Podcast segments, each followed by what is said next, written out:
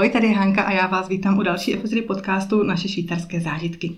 Mým hostem je Petr Rokousek, zakladatel energetické skupiny Nano Energies. Jak o něm hovoří média, je to energetický revolucionář, vizionář a futurista v oblasti energetiky. Nejprve začínal v biznisu s výrobou reklamních poutačů a potom z firmy odešel a založil Nano Energies. Střídavě žije v Česku a v Lichtensteinsku, kde je strůjcem investičního fondu, fondu Blue Light.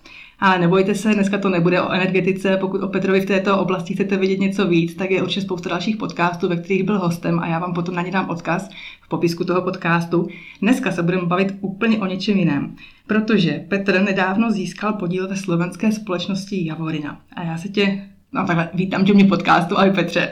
Ano Hanko, děkuji moc krát za pozvání. Já se tě hnedka na úvod zeptám, vlastně, um, než se dostaneme k Javorině, tak bych tě mhm. ráda vyspovídala z jiné oblasti. Jsi můj první host, který nebydlí ve Švýcarsku, ale bydlí v Lichtensteinsku. Tak co tě vedlo k přestěhování právě sem? No, my jsme chtěli vlastně původně bydlet eh, eh, ve Švýcarsku mm-hmm. a nepodařilo se nám najít bydlení. Mm-hmm. A já jsem se potřeboval přiblížit k jednomu projektu, který je teda švýcarský projekt eh, a je v Zevelenu, kde jsme dělali smart textilie vývoj.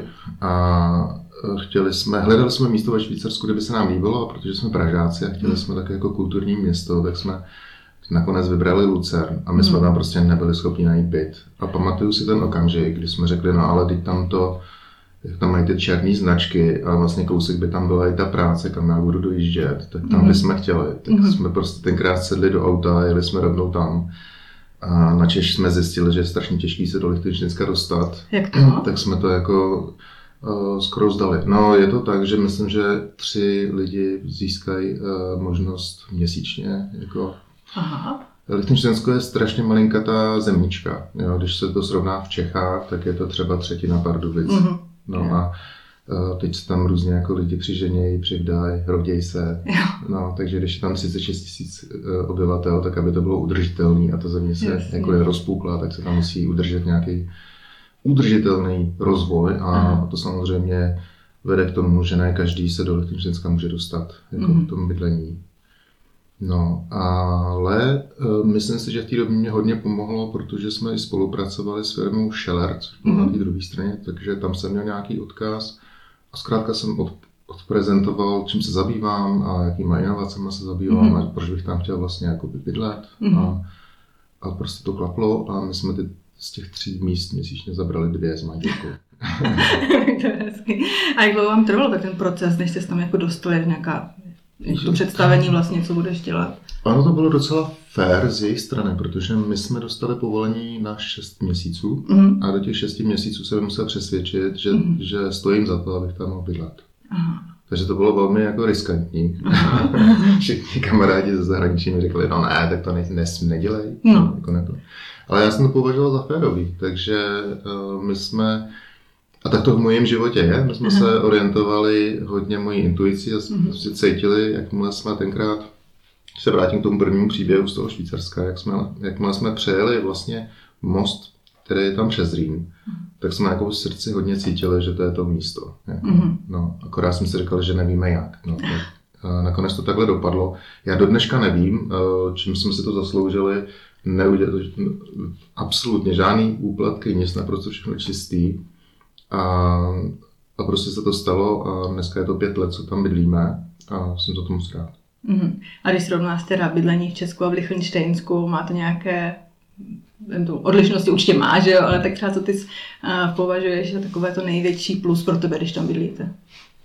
No, já jsem za těch pět let nacítil, že Česko a Lichtensteinsko má hodně společného. Za prvé, paní kněžna byla narozená v Praze, bohužel nedávno zemřela.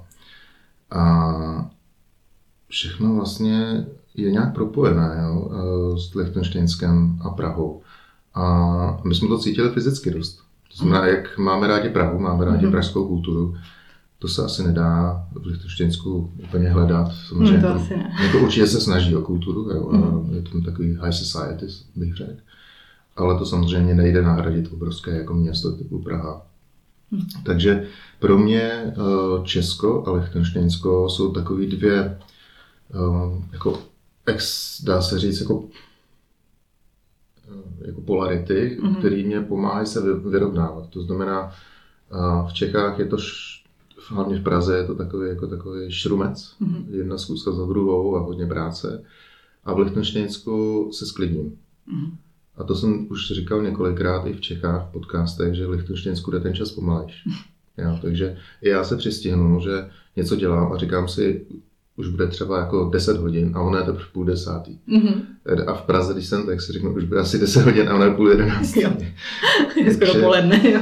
Uh, já jsem vlastně zjistil, že mě to tak jako zachránilo před tím workoholismem. Uh, takže ta vybalancování i života pro mě, mm. jsem to takhle udělal fyzicky, tu střídačku, Aha. tak to bylo docela fajn. A přitom je to blízko z přírody, že jo, ty hory a tak taky dělá no. svoje na to sklidnění. To je absolutní, no. Jako my lidi v biznisu často jsme pod tlakem té rychlosti. To je mm-hmm. samý startup, že když to letí nahoru a prostě když to neuděláš za 14 dní, tak je to prostě průšvih. No a v Lichtensteinsku člověk se koukne takhle jako na tu druhou stranu, na ty hory, které jsou tam miliony let, jo, mm-hmm. a řekne si, no tak tady je taky kus pravdy, že jako na se to nepodělá. Jo. a, a to mi teda jako extrém pomáhá. Mm-hmm. Jinými slovy, když se v Lichtensteinsku vždycky mi to trvá, když přijedu třeba z Prahy, eh, tak mi to trvá den, než se aklimatizuju. A když jsem tam, tak potom, když jdu v přírodě, tak je pro mě velmi, za prvé velmi inspirativní a za druhé ona mi sklidní to myšlení a svým způsobem ty problémy, které se mi tam míhají v té hlavě, když jsem třeba v Praze, tak, eh, tak se sklidní a je úplně jako čistá myšlenka, co se má udělat. Mm-hmm. Takže já si některé věci nechávám třeba, abych promyslel v Lichtensteinsku a některé třeba se v Praze. Jo, některé věci potřebují své místo, aby no. dozrály, jak kdyby na správném místě. Nebo jo, a píšu si z těch míst jako sám sobě. Aha, zajímavé. No, jakože mám dva profily na WhatsAppu. Aha. Jeden je jako na českým čísle, jeden je na švýcarském. A vždycky mě zajímá, když si napíšu tam na tu druhou stranu, jak to budu číst. Jako. No. Aha, to je A funguje to, doopravdy. Pravdu. A myslím, že to pozná každý, kdo jezdí na dovolenou. Že? Jako, mm. Když jenom člověk přijede na dovolenou, tak získá ten jeden úhel pohledu. Mm. A, a ten, jenom si to představte, že za těch pět let to uděláte třeba 400 krát. Mm-hmm. Takže my jsme se dostali do takový, uh, protože samozřejmě kvůli firmě hodně jezdím do Prahy, takže mm. střídáme. A tak jsme se dostali do takového stavu, kdy jsme zjistili, že máme jako jednu domácnost, která má jednu takovou chodbu a to je ta dálnice vlastně yeah. z Prahy do Lichtensteinska. Takže vlastně pořád se to hlavě jako pře, přeblikává, jako jedu z domova do domova, z domova mm-hmm. do domova a tam mm-hmm. je mhm. vlastně ta dlouhá chodba. Jo, je čas na přemýšlení. 650 km. A přebrat si to, jak kdyby. No. Ale ty jsi byl de facto už na hory uh, takhle jako zvyklý, nebo na pohled na hory, ne? Jsem tak zaslechla, nebo tak ty máš uh, předky, nebo jezdil jsi někam i do Rakouska, tuším, si říkal. No, uh, ne, že bych měl pohled na hory, ale vždycky, když jsme někde bydleli, tak jsme bydleli na vyvýšeném místě. Mm-hmm. Jako ten pohled toho. Mm-hmm dravce, musíš vidět nad řekou a řeka u toho byla. Jo, takže vlastně ten element jakoby výhledu a řeky. Aha. A jinak ano, ehm, to je vlastně to, co jsme si říkali i po telefonu, hmm. že já když se sám sebe jakoby ptám, proč jsem se vyskytnul v tom Lichtensteinsku, hmm. tak eh, je to nějaká ta rodinná linie. Hmm. A, a my tam v Lichtensteinsku bydlíme ještě s jednou rodinou, eh, to jsou, oni jsou Němci hmm. od, od Mnichova. A a ta manželka, její rodina pochází, měla taky vlastně barák v Čechách a byli mm-hmm. vlastně vysídleni. Aha. A, a když jsme se o tom spolu bavili, uh, proč má člověk takový jakoby, pocit, že někde jakoby bydlí jinde, Aha. tak ona říkala, hele, já jsem to nezažila, moje mamka se odstěhovala, ale já do dneška vím, kde mám jako pasy, kde mám peníze a kde by bylo potřeba, tak já se zbalím za hodinu. Takže to máme nějak jako v těch rodinných liních. A já jsem to teda měl taky, kdy moje eh, rodina z dědečkové strany mm. pochází z Rakouska, z Vídně. Mm. No a, a prostě ta uh, rodinná historie byla hodně postižená jednak s tím, že po válce on jako doktor, který jako je Rakušák, tak musel samozřejmě nastoupit do ně, německé nemocnice, takže mm. jednak Benešovy dekrety, komunisti, zákaz studia mých rodičů na vysoké škole. Mhm. Prostě všechno, co se dalo pokazit, tak se vlastně pokazilo jedním jediným rozhodnutím, že se ten děda eh, mhm. rozhodnul vrátit vlastně do Prahy, protože tenkrát Vídeň a Praha byly hodně spojený. Mm. No a, a to asi člověku zůstane nějak krvi a já jsem nějak šťastný, že mám tu volnost. Protože um, povídám už dlouho. Ne, ne, to baví. Protože si ještě pořád pamatuju, já jsem ročník 74 mm. a, a já jsem vlastně tím hodně trpěl, protože babička mě vyprávěla, že jak je v Rakousku, tam byly, prostě měli jsme na fotky, mm. dalo byl medvědy a prostě mm. po těch Alpách a jak oni vlastně strašně jsem měl s babičkou obrovský krásný vztah. Mm. A, a ona mi po večerech, když, jsem, když jako jsme šli spolu do postele, jsem s ní spal v posteli, mm. tak ona mi to všechno vyprávěla, jak to dřív bylo. Mm. Jo, a, a tak já jsem vlastně si to nedokázal vůbec představit a mm. pamatuju si sám sebe, jak jsem na televizi koukal na lidi na olympiádě, jak mm. si vypadají za tou, za tou železnou oponou. A to prostě dneska je třeba úplně šílený, že jsme mm. to vlastně jako by prožili. Mm. A já jsem si nějaký psychicky postižený z toho, jo, že mm. já mám obrovskou radost, že mám tu svobodu, um, jednak v podnikání, protože i v té první firmě jako 20-letý kluci jsme se dali dohromady s holandským partnerem. Mm. Vlastně on taky bylo 20, my jsme dlouhý vlasy a a teď jsme prostě jako začali dělat firmu a výrobu, jo. to bylo mm. úplně neuvěřitelné. A prošlo, šlo to strašně rychle a já mm. jsem si to nestihnul všechno uvědomit. A teď, když je člověku tak před tou 50, tak mu to všechno docvakává zpátky. Proč některé věci intuitivně dělá, jako, jako tak Jo, takže hodnotíš to i jako zpětně, dokážeš ten jako pohled třeba i... Já zkoumám sám sebe, jo. Jo. Proč jsem byl v Štejsku, sakra. proč se to stalo? A tak to má nějaký důvod, já to vždycky říkám, jako všechno má nějaký důvod a prostě, když člověk se za něčím někdy honí, tak by měl sklidnit, protože to prostě přijde. Jednou přijde, všechno má svůj čas, teda jako, mm-hmm. nechci úplně filozofovat, jsem takový jako filozof amatér, ale tak co mi tak v životě cítím, Zde, taky, že prostě... To jako... filozof amatér. no. Dobře, ale eh, dostaneme se teda uh, konkrétně k tvojí poslední investici, a to investici do firmy Javorina.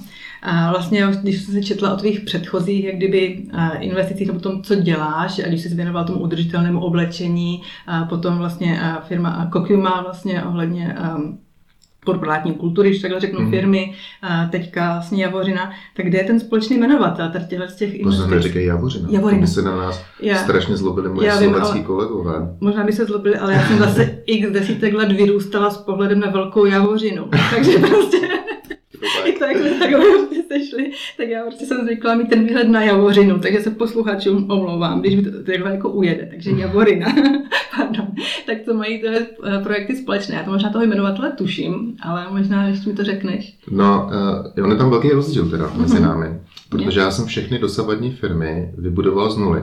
Mm-hmm. Jo, takže já jsem takový ten blázen vizionář, který prostě jako jede na té kře, jako na severní Ostatní už říkají, ale já už se chci vrátit a, a po pěti letech se to ještě nic neděje, nevydělává, že teď už docházejí peníze, prostě to.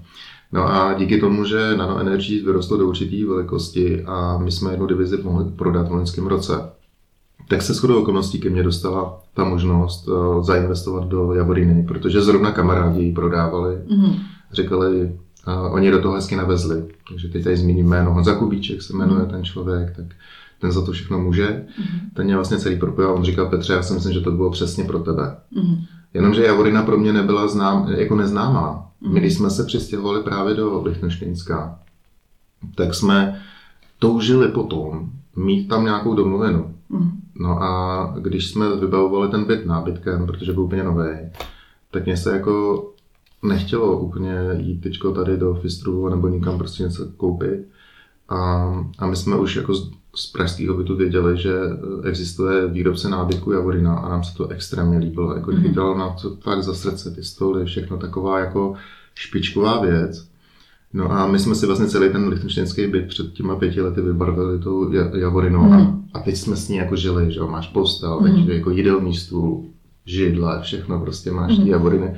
Takže já jsem k ní měl emoční vztah ale zároveň musím říct, že je to firma, která existuje 75 mm. let a víš, my jsme všichni jako hrozně digitální a, a ten fortel těma rukama a vztah k tomu materiálu je něco, co se vlastně bude muset znova učit. Mm. No a tam, tam je obrovská pokora před celým tím týmem v Javorině, protože oni ten fortel a to takový ten fishtro, mm.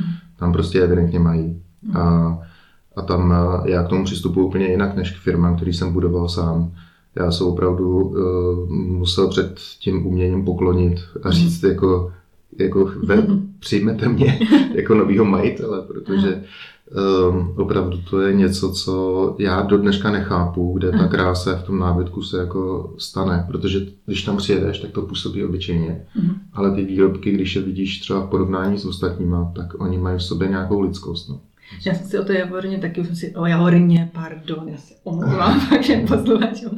Eh, když třeba jsem se dívala, jsem se na její výrobky, vlastně ta tradice od těch konce 40. let, že vlastně to vzniklo jako výrobní družstvo a eh, takový, takový ten důraz na tu tradici, tu místní kulturu tam do toho vlastně eh, zakomponovat, tak jako mm. pro ty, ty výrobky jsou jednoduché, ale hezké vlastně, to je, mhm. to je ta síla. Ale to, co jsem měla já na mysli toho společného jmenovatele, je dá se říct udržitelnost. Vlastně všechny ty projekty jsou ale, udržitelné. To je zdemolovaný slovo. Je, ale je to zprofanované, že strašně. jako, já, víš co, hele, já jsem uh, sám na sebe přísnej, Aha. jo, protože vím si, když jsem dělal nano, že jo, nebo uh-huh. dělám, ne, pořád ještě nano, tak tam, tam mě to teda hodně vyškolilo, jo, protože uh-huh. člověk jde do něčeho, a je to skvělý, že mladá generace je velmi v tom jako důrazná, uh-huh. prostě filozofie a, a názory a tak si zatím stojíme. No a pak je jako nějaká realita, No a já se dneska už snažím opravdu koukat hodně na tu realitu a, a tak nějak si tříštit ty svoje naivní názory třeba. Jo. A teď nemyslím, že by změnil názor, ale začínám vnímat i druhou stranu té věci. A, a musím říct, že třeba v té energetice mě to teda hodně vyškolilo, uh-huh. protože jsem byl fakt jako hodně vyhraněný k určitým uh-huh. věcem. A když teď člověk má za sebou 15 let mm-hmm. té práce, tak eh, víš, že zkrátka některé věci mají svůj čas a některé na, na některý se musí počkat mm-hmm. a některý se musí dobře integrovat mm-hmm. a, a ne všechno uh, funguje ve špatném. Mm-hmm. Často mám hodně kamarádů spíš té tradiční energetiky, mm-hmm. než té úplně super zelený, protože tam vidím občas, uh, že, že to třeba není úplně tak ukotvený Nicméně ta transformace teď třeba té energetiky mm. je, je, je obrovsky rychlá, je skoro nedosažitelná, jako aby se realizovala, mm. což vyžaduje úplně jiný uh, kvality třeba, než mám já jako vizionářský. Ono to vyžaduje uh, strukturu, vyžaduje to takovou jakoby přesnost mm. jo, a rychlost. Přesnost a rychlost velmi dobře se umět rychle rozhodovat. Mm. A, takže uh, tímto posílám obrovský poděkování svým kolegům v NANO, který prostě uh, dost často i moje nějaký uh, naivní nápady, jak by to šlo udělat, tak uh, mě vyvedou z omylu a, mm. a dají na správné místo a mm. prostě poskládají to, že to potom má tu sekvenci, že jedno za nejdřív děláme toto, pak toto, pak toto. Mm. Um, a to je vlastně udržitelnost. Mm. Jakože všechno dohromady. Mm. A, a dneska mi občas připadá, že všechno je to už jenom marketingová nálepka. Mm-hmm. A, a možná, že udržitelnost je vlastně i něco, co je totálně konzervativní. Jo? Mm. A to smysl, to konzervativní si koupíš nábytek z masivu a ten ti vydrží a nemáš potřebu jako, jako kupovat plasty nebo nějaké levné překlišky a mm. prostě každých pět let dovybavovat ten, ten, to zařízení by to třeba prostě měnit, protože víš, že koupíš něco, co ti vydrží, vydrží to pro příští generaci a tak. Takže v tomhle smyslu já myslím třeba mm. i tu udržitelnost. Jo. jo. Jako udržitelný to je všechno.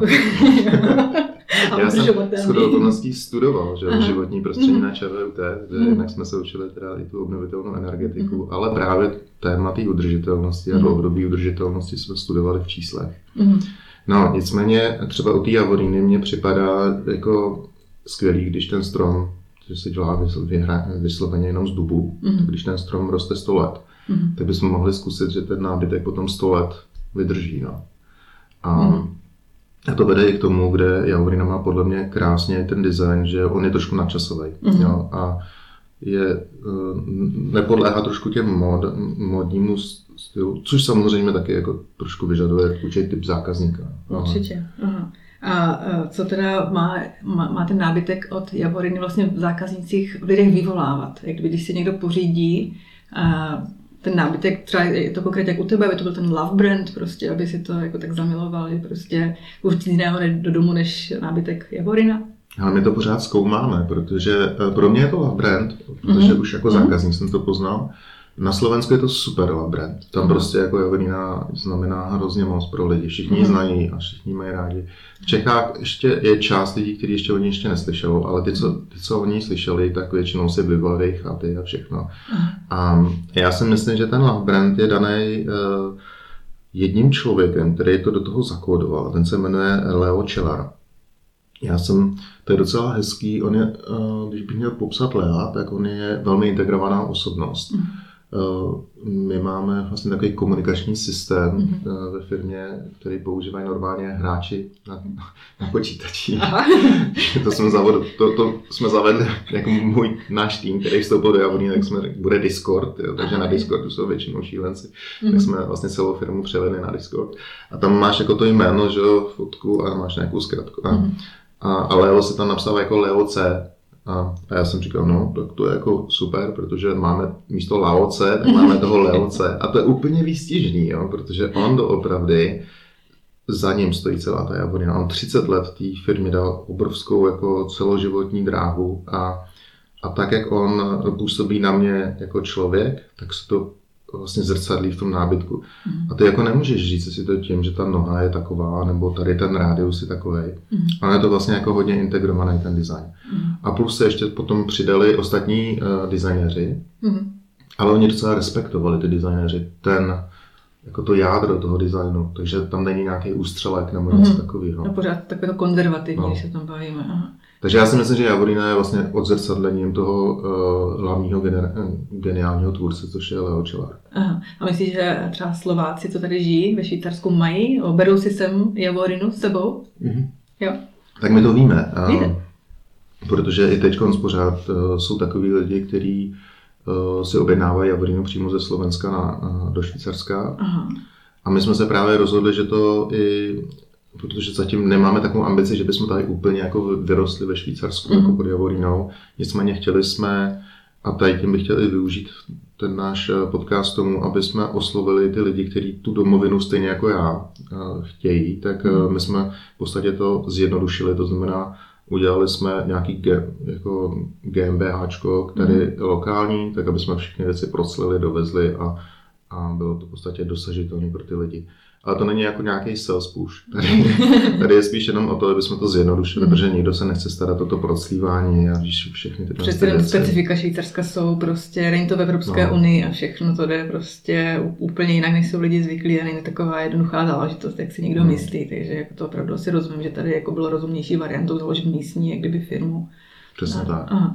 A se bavíme o tom, že vlastně Javorina je designový, luxusní nábytek, nebo high-end, jak to říct. A tak přece jenom, když se ve Švýcarsku, jste do Švýcarska, tak Švýcaři mají taky své love brandy a svoje značky, tam prostě musí být to made in Switzerland a Swiss quality a tak. A jak s tímhle trošinku chcete jak kdyby mm, bojovat s jejich myšlením, dejme tomu, ukázat jim, že máte tak taky něco, co dokáže jim konkurovat tomu jejich Swiss, Swissness.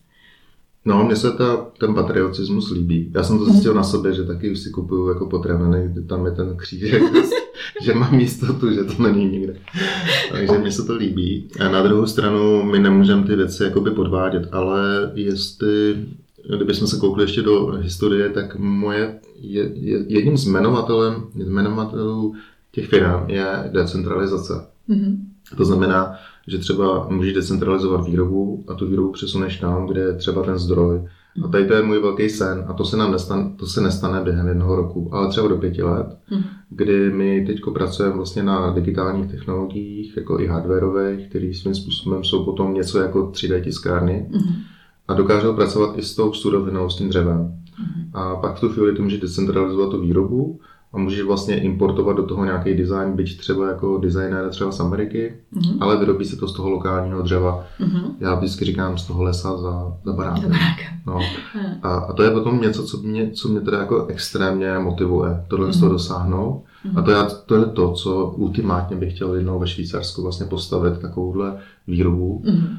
kde uh, budeme zpracovávat švýcarský dřevo, mm-hmm. ale dáme k tomu možnost uh, si dosadit design jak z Itálie, nebo z Čech, nebo ze Slovenska. Mm-hmm. To je to, co bych chtěl jako ultimátně dosáhnout z Javorinou. Mm. A ten design, předpokládám, že designéři budou pečlivě vybraní, aby prostě dos, eh, ten koncept, jako takový, Jasně. který byl, tak aby prostě byl, zůstal zachován. Jo. Musí to být No, eh, já bych z toho rozhodně nechtěl dělat jako obr firmu. Mm-hmm. Jo, ta decentralizace je vlastně krásná v tom, že že nemusí to být jako centrálně jedna obrovská firma mm-hmm. a, a, a, a pro ani ty velké firmy neumím, jo. Jako mm-hmm. mně se vlastně stává, že ty firmy mě přerostou vždycky.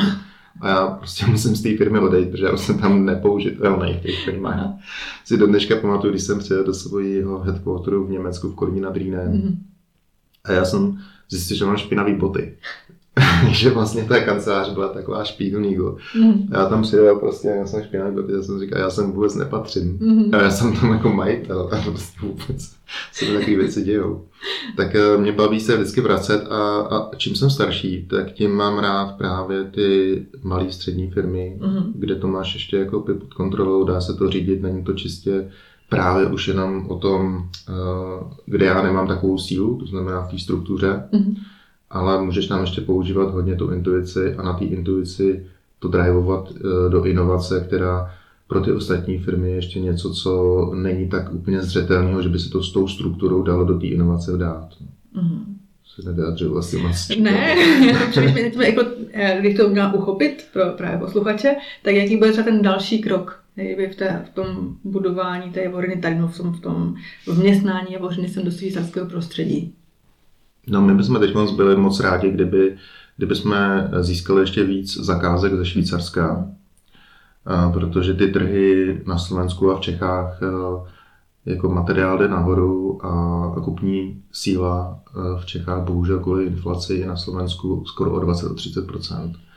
Což my nechceme dělat kompromisy, my nechceme mm. jít do toho levelu, kde je potom levný nábytek, anebo to je nějak dílovaný a je to mm. prostě nějak skrytý. Takže my, my bychom rádi, eh, teď se soustředíme na Belgii, protože přece je to pro nás jednodušší jako mhm. Evropská unie. A rádi bychom vstoupili i na Švýcarsko, mhm. ale já jsem zase, jak tady žiju, tak jsem jako realista v tom, jo. To znamená, my, nám pomůže každá objednávka od každého člověka, který mm. spíš si myslíme jako expati třeba, nebo mm. jako lidi jako my, mm. který sem uh, získají si vlastně tu zkušenost. A vsadím se, že i uh, řada tvých posluchačů mm. bude podle mě Javorinu mít ve Švýcarsku, protože těch objednávek šlo dost. Jo, Takže... Ale co se dívá ten sortiment, tak vlastně je to nábytek, jdeme to do domácnosti, ale není tam úplně třeba, že by to bylo kancelářské vybavení, že byste měli třeba tím směrem jako vybavovat, dejme tomu nějaké uh, ofisy nebo i tak ale, tím směrem? Nebo? Ale my jsme tam měli v tom portfoliu i tady tím směrem, já jsem to zrušil. A, co tomu vedlo? Protože já jsem si řekl, že můj cílový zákazník jsou rodiny s dětma mm-hmm. a, a takový ty moderní rodiny s dětma. To znamená, my dneska máme jídelní stoly, máš jako tu jídelnou kuchyni, máš jako ložnice, mm-hmm.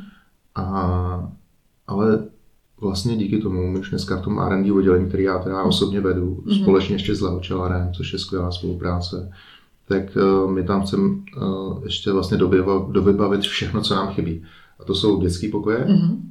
takže teď pracujeme na Javorina Baby a snažíme se vymyslet uh, skvělé, krásné postýlky, od vlastně pro miminka až po, po větší, mm.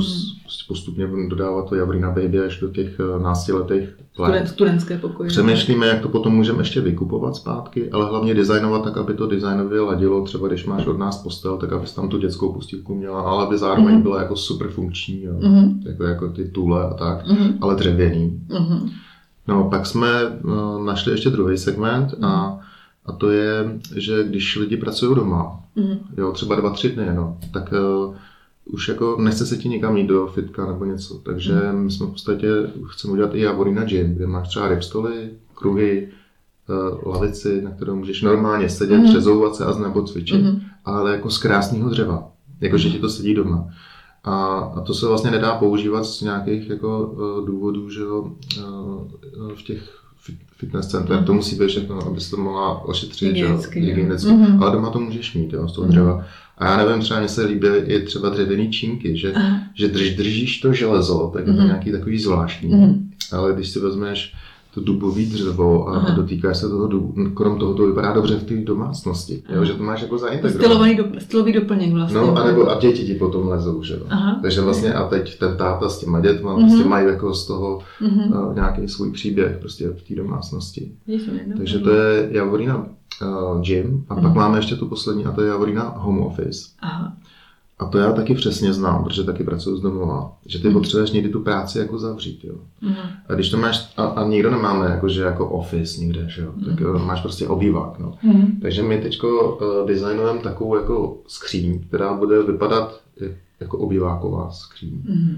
A kterou, když otevřeš, tak tam máš prostě stůl, který ti bude vyjíždět vejškově mm. a, a po boku všechny ty šanony prostě mm-hmm. Ale když skončíš prostě, zavřeš. tak to prostě zavřeš a nikdo neví, že tam je prostě ta office. Ale vlastně jako Aha. fyzicky se to zavře, takže je, vlastně ta je, energie ti zmizí z toho obyváku. Ty telefonáty, ty e-maily a ty všechny věci, co nechceš. Ale to je de facto jsem připomněl, jak bývaly dřív na za první republiky, možná ještě dřív takové ty psací stoly, které se taky dali zavřít, měly po boku ty šuplíčky, že jo? Přesně, a můj ty... to takhle měl. Jo. Já jsem to, já prostě, to jsem miloval, no, jakože mm-hmm ty tam byly takové, eh, takový různý zásuvky, zásuvky tak no. Jo, jo. Jako fakt, no. Takový a člověk zavřel a pořádek vrchní vlastně. dvacátko prostě. jo. No, um, a to mě připadá, že um, mě vždycky baví se soustředit na, když něco vyrábím nebo víme, mm. že vidím, pro koho to je a, mm. a k čemu to slouží. Mm. A já bych opravdu chtěl, aby jsme se dostali vlastně do těch prostě přesně rodiny s dětmi, mě to strašně mm-hmm. baví. Mě jako nebaví moc jako dělat pro uh, nějaký jako super bohatý lidi. Jo. Blbý je, že ten materiál jako jde hrozně nahoru a my nejsme schopni jako jít dolů, protože to by nás uh, to celý ten řetězec se bohužel obrovsky zdražil, takže i Javorina musela hodně tyko zdražit. Mm-hmm. Proto nás to trošku vykopávalo ven z té České Slovenské republiky. Mm. A tak na druhou každé zboží má svého kupce, že jo? tak jako ono se to... Ale já jsem vlastně vždycky dělal věci venku. Jo? Mm-hmm. Já si myslím, že my jako Češi nebo Slováci jsme strašně šikovní lidi mm-hmm. a akorát se všimni, že všichni ty, co jako dělají něco hodně uh, dobrýho, tak mm. prostě to nedělají jenom pro ten český nebo slovenský trh. Mm, jo, prostě yeah. můžeme si získat to uznání venku, kde to je lepší. Mm. Někdy třeba i u mě, to je taky další důvod, proč jsem chtěl poznat trošku tu kulturu švýcarsko-lichtenštejnskou. Mm že některé ty moje nápady byly třeba o čtyři nebo o pět let moc brzy v Čechách. Mm-hmm. A moji kamarádi třeba v Belgii, tak mm-hmm. ty byly ve stejný čas, ale vlastně ten trh jim šel naproti, jo, v energetice. Zelená mm-hmm. energetika třeba v Belgii byla velmi chtěná. A mm-hmm. u nás to bylo v podstatě solární baroní a všechno. Yeah. Aha. Takže vlastně tam se nedalo s tím bojovat. Takže uh, ty tu myšlenku, jako kdyby si sázela do sněhu. Mm. A, ty, a on někde existuje, jako to místo, kde můžeš tu stejnou myšlenku v, mhm. v, ve stejném čase sadit prostě a ona vyroste. Mm-hmm. Takže mě to vedlo i k tomu, že když člověk teda chce jít za svým snem, tak občas se musí jako přestěhovat. No. Jo. A to je myslím, že jako asi všichni lidi, co teď bydlejí třeba ve Švýcarsku, to, je, to byl ten důvod. Že? Mm, určitě. Mě ještě napadá právě k tomu nábytku pro rodiny, pro domácnosti. Tady spousta Švýcarů si potrpí na kvalitu, to už jsme jedenkrát zmiňovali, i třeba co týká dětského oblečení, tak třeba nakoupí si i třeba nejenom švýcarské, ale i třeba i skandinávské mm. značky, protože to má punc té vlastně kvality pro ně. Je, jak vy dokážete teda přesvědčit ty Švýcary, že, že vlastně Javorina má takovou kvalitu, aby stálo za to si to pořídit domů? Já nevím, jestli ještě Švýcary dokážeme přes, přesvědčit. Já bych je asi nepřesvědčoval. Jo. Se to musí přijít sami? No, já jako mám nějaký tajný plán. ale, ale to není nějaká manipulace, to je spíš jenom, uh, všechno má svůj čas. Prostě, no. A to mě naučili, zas, víš co, já si vážím tohoto, uh, já jsem na to měl přirovnání, který se fakt nehodí do, do podcastu. Teď přemýšlím, jestli můžu vymyslet nějak jinak. Ale to partnerství, já nevím, jakou ty máš zkušenost tady ve Švýcarsku, nicméně ono to, třeba to přátelství trvá dlouho, teda dlouho než začne, mm-hmm. ale když eh, se překoná ta bariéra, tak o to hlubší pak je. Mm-hmm. A já musím říct, že třeba eh, v Lichtensteinsku skoro s každým, s kým jsem přišel do kontaktu nějakého většího, že jsme třeba řešili, já nevím, typicky právník třeba. Mm-hmm. No tak z nás jsou kamarádi, jezdíme na běžky, chodíme pohrát. Nebo může to být i místní zemědělec, mm-hmm. když jsem se párkrát potkal, tak jsme taky kamarádi mm-hmm. a, a, on mě tam vodí, že jo, dal mi hůl, vyměnil mi to za ty hliníkový hůlky, to běž to někam a dal mi tady, to je hůl řezaná prostě za úplňku a takhle se tady chodí pohrát, tady chodí tyhle ty. Mm-hmm. a takže vlastně s kýmkoliv jsem přišel do kontaktu a otevřeš to srdce vůči němu, tak ono počas taky otevře a mhm. vlastně Opravdu, já tam našel jsem velmi hluboký přátelství. Mm-hmm. Mm. Já jsem si třeba, jestli plánujete nějaký uh, showroom nebo něco, kde vlastně, vím, že v Praze máte showroom vlastně, uh, jak jsi říkala, že moc lidí teda v Praze to třeba ještě, nebo v Česku to neznali Javorinu, a tak jestli plánujete něco takového tady, ne, něco vytvořit, nebo jak se prezentovat, kde vás třeba lidi můžou najít, třeba nějakém veletrhu, nábytkářském nebo ně, něčem takovém. Plánujete? Teď, teď nás určitě můžou najít na webu. Mm-hmm. To je to, co jsme udělali, vlastně nový web. Mm-hmm. Moc krásný My... mimochodem, jednoduchý, designově čistý. Děkuji, no, to určitě kolegy potěší. My máme trošku jiný koncept do budoucna. Aha. Sice máme showroomy, některé showroomy jsme teď i na Slovensku a, v Čechách pozavírali, Aha. Protože očekáváme tu krizi a jako podnikatel vím, že ty nemůžeš jako čekat, až přijde krize mm. a pak zavírat je. Mm. Takže my jsme uzavřeli jsme ty showroomy, kde jsme cítili, že opravdu dopadne uh, trošku to zbrždění, který mm. v současné chvíli můžeš teď vidět, tak my jsme to vlastně udělali v loňském roce, to mm. rozhodnutí. A udělali jsme dobře. A my jdeme trošku jinou cestou. Jdeme cestou concept store. Mm-hmm.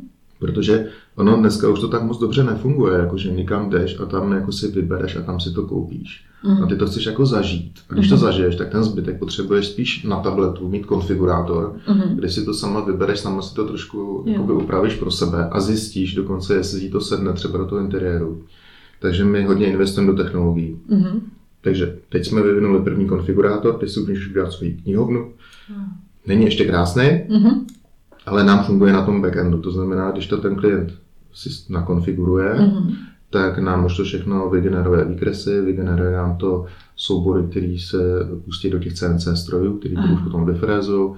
V podstatě vygeneruje to kusovník, vygeneruje to všechno, aby ta výroba se jako rozjela. Takže tam nepotřebuješ nikoho zatím, aby to vlastně tu výrobu připravoval Což si myslím, že třeba uh, tím jako hodně přestihnem tady ve Švýcarsku jsem zjistil, že ty dodací termíny jsou nějak hrozný. Mm. No. Mhm. A, a od té doby jsem přišel do Javoriny a ten náš tým to nějakým způsobem s tím současným týmem zlepšuje, mm. tak jsme se dostali z 12 týdnů na 4 až 6 týdnů dodání. Jo? No, Jenom zrychlením, jako. zrychlením samozřejmě. Aha. A, ale to ještě není ono, protože v tu chvíli já plánuju, že samozřejmě bude nějaký nárůst té výroby, mm. takže pak se to zase bude chtít mm. prodlužovat, ale prostě ta transformace té výroby je něco, co jsem zažil, dělali jsme to v té první firmě a je to takový deja vu, jo. takže vlastně víme, co máme dělat pro to, aby se to zrychlilo. To mi právě napadla k tomu otázka, jestli právě ti dosavadní lidé, co tam působili, jestli tam nepřišlo nějakému třeba tomu konfliktu mezi tím, to tvojí vizí, jak ty to chtěl dělat a jak oni tady dělali těch 70 let, my jsme to tady přece takhle dělali a takhle to bude, tak jestli tam nebylo něco, nějaká třecí plocha. Jako nevyhneš se třecím plochám, no. mm-hmm. to jsem se taky musel naučit. Mě mamka vy, mm-hmm. vychovala takovým bezkonfliktnímu chování, což se pro podnikání moc nedaří. Když si jenom vezme, že přes moje firmy prošlo možná 4 tisíce lidí, 4 tisíce zaměstnanců, tak ne s každým, když jako se musíš rozejít, tak je to úplně dobrý. No. Tak to mě mm. vždycky jako hrozně jako člověka mrzelo. No a, a zároveň, uh, ale já si myslím, že jednáme vždycky čistě a i v té některý lidi museli odejít, protože uh, tak jak tak jak byla nasměrovaná Javorina, tak já jsem nechtěl, aby byla. Jo? Chtěl jsem mm. do mhm. toho vložit všechno, co šlo ze mě. To znamená 20-letá zkušenost vybudování výrobní firmy, kde jsme opravdu začínali u mojí babičky na statku, až potom, že jsme prostě 170 lidí a, a 5000 mhm. paletových míst a po celém světě distribuce. Že jo? Mm. A ta firma už prostě přes miliardu obraty a mm. takový jako větší. Tak eh, já jsem si to tenkrát prošel a teď, když jsem viděl Jablony, tak jsem přesně věděl, co musíme udělat, aby jsme naopak ten potenciál otevřeli. Aby jsme mhm. to, co je tam vybudovaný, ten, ten Fortel, ten Fishtron a tak dále, do toho dali vlastně ten systém, aby ta firma mohla vyrůst. Aby nebyla pod tím skleněným stropem třeba slovenského trhu, mm. německého trhu. A něco jiného, když, když jako na Slovensku to vyrobíš a dovezeš a namontuješ na Slovensku, mm. než když to pak musíš distribuovat po Evropě. Mm. Takže já věřím tomu, že uh, moji javorňáci mi, mi věří a, mm. a že to vlastně společně uh, dotáhneme do té světové firmy. Na to se prostě těším. Mm. A kolik máte teďka zaměstnanců?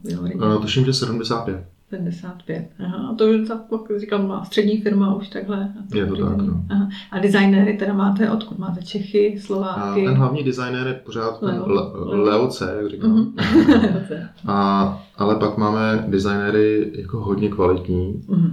z Čech, mm-hmm. takže Vatíška Žák, což byl vlastně designéři roku, myslím, šloňského. Máme Tomáše Krále, která, který využí, vyučuje vlastně design v Lausanne na univerzitě mm-hmm. takže žije ve Švýcarsku, tam se hodně těším na tu spolupráci. Mm-hmm.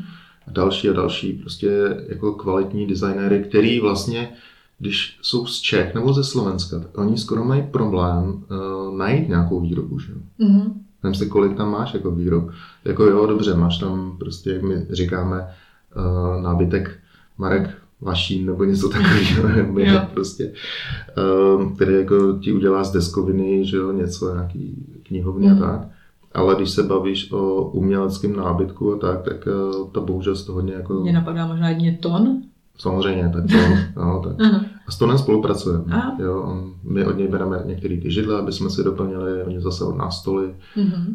Uh, hodně lidí si vlastně Ton zkombinovává s, našima, s naším nábytkem, takže mm. my občas bereme surový, jako židle v surovém stavu a barvíme mm. to na stejný odstín, aby to vlastně fungovalo společně. Ton mm. jednoznačně. No. Mm, A, a vlastně mi tu otázku všechno odpověděl o těch designérů, tak jsme měli vlastně toho, který působí ve Švýcarsku, ale jako švýcarský designér je jako takové, aby to třeba právě Švýcarům přiblížilo, taky opět ten nábytek Javorina tady v tom lokálním hledisku, tak třeba i nějaké švýcarské designéry to má v oku. Já určitě bych chtěl spolupracovat s, Tomá, s Tomášem. Mm-hmm. Příští týden za ním jedu do Lozán, tak se na ně mm-hmm. těším. Um, zase jsem opatrný jakoby v tom mm. rozšiřování, protože pro mě je daleko důležitější pokorně držet ten designový směr té Avoriny. Mm. A já když si třeba projdu, já nevím, třeba když do Fistru třeba přijdu, mm. tak, eh, tak já si myslím, že my teda ten design eh, neskromně máme lepší, než, než to, co tam vidíš. Jako mhm. vždycky je tam něco hezkého, ale nějak, nějaká část je tam prostě jako špatně. Mm.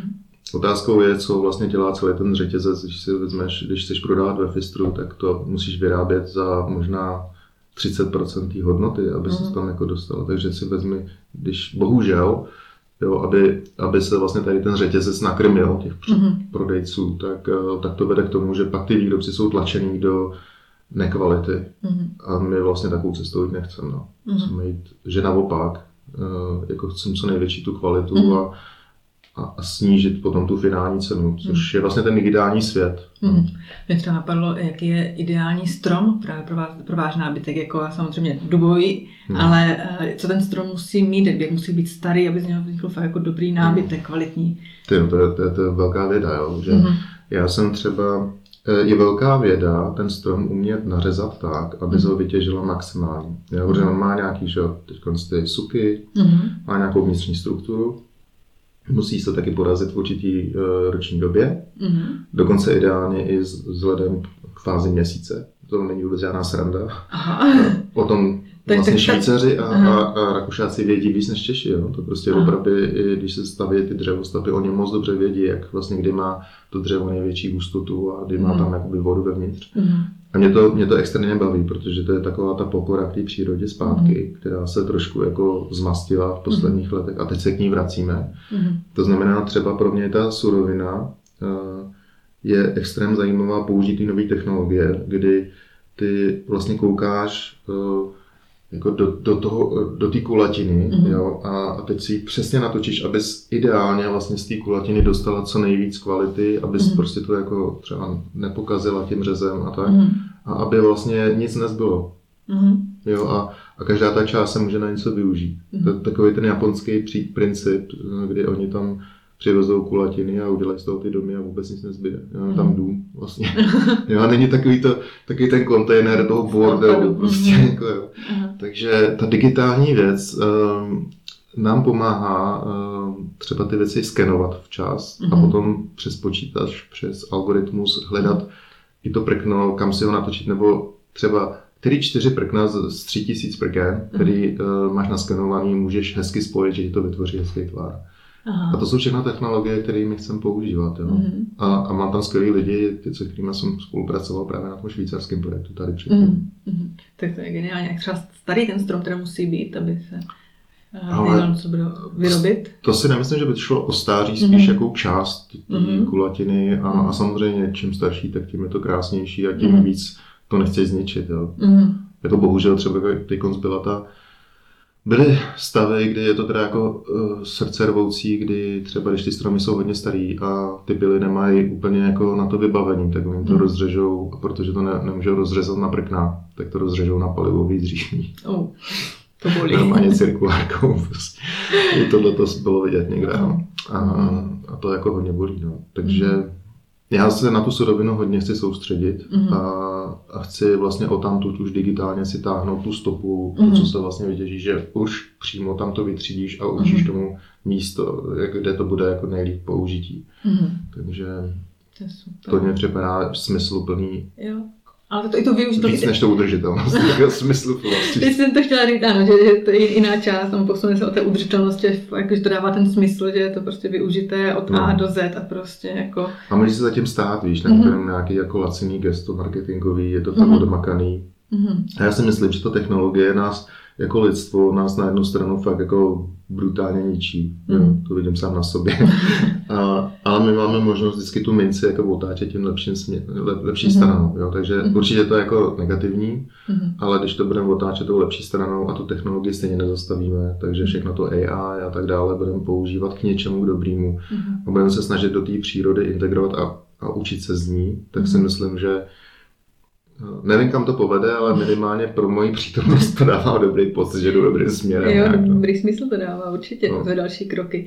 A mě napadá vlastně, teď jsme změnili i ty webovky, kde už se můžou potenciálně zákazníci kouknout, ale to teda vypadá s tím eh, s tou firmou jako takovou, s GmbH, vlastně už jste tady, už si, když si zákazník něco chtěl vybr, eh, jako vybrat na webu a dovést do Švýcarska, tak už může přes vlastně tu vaši firmu? Existuje na GmbH normálně, mm-hmm která už samozřejmě schopná fakturovat se 7% DPH mm-hmm. a mhm. my se postaráme o všechno proclení, takže klient dostane normálně to, co je tady zvyklé, fakturu ve švýcarských francích, mm-hmm tak nemusí se starat o nic všechno ostatní. Mm-hmm. My, si, my si vyřídíme mezi těma firmama, takže to už mm-hmm. jako běží. Tak to je super. Teď před měsícem jsme získali vlastně živnostenský list a všechno je to připravené. Aha, a mě k tomu ještě napadá právě to podnikání Česko versus Švýcarsko versus Liechtensteinsko, jak kdyby, jo, jak se tady třeba, tím člověk musí bojovat, ať už třeba Nano Energies nebo teďka s Javorinou, jak je to podnikatelské prostředí prostě jiné než od toho hmm. českého.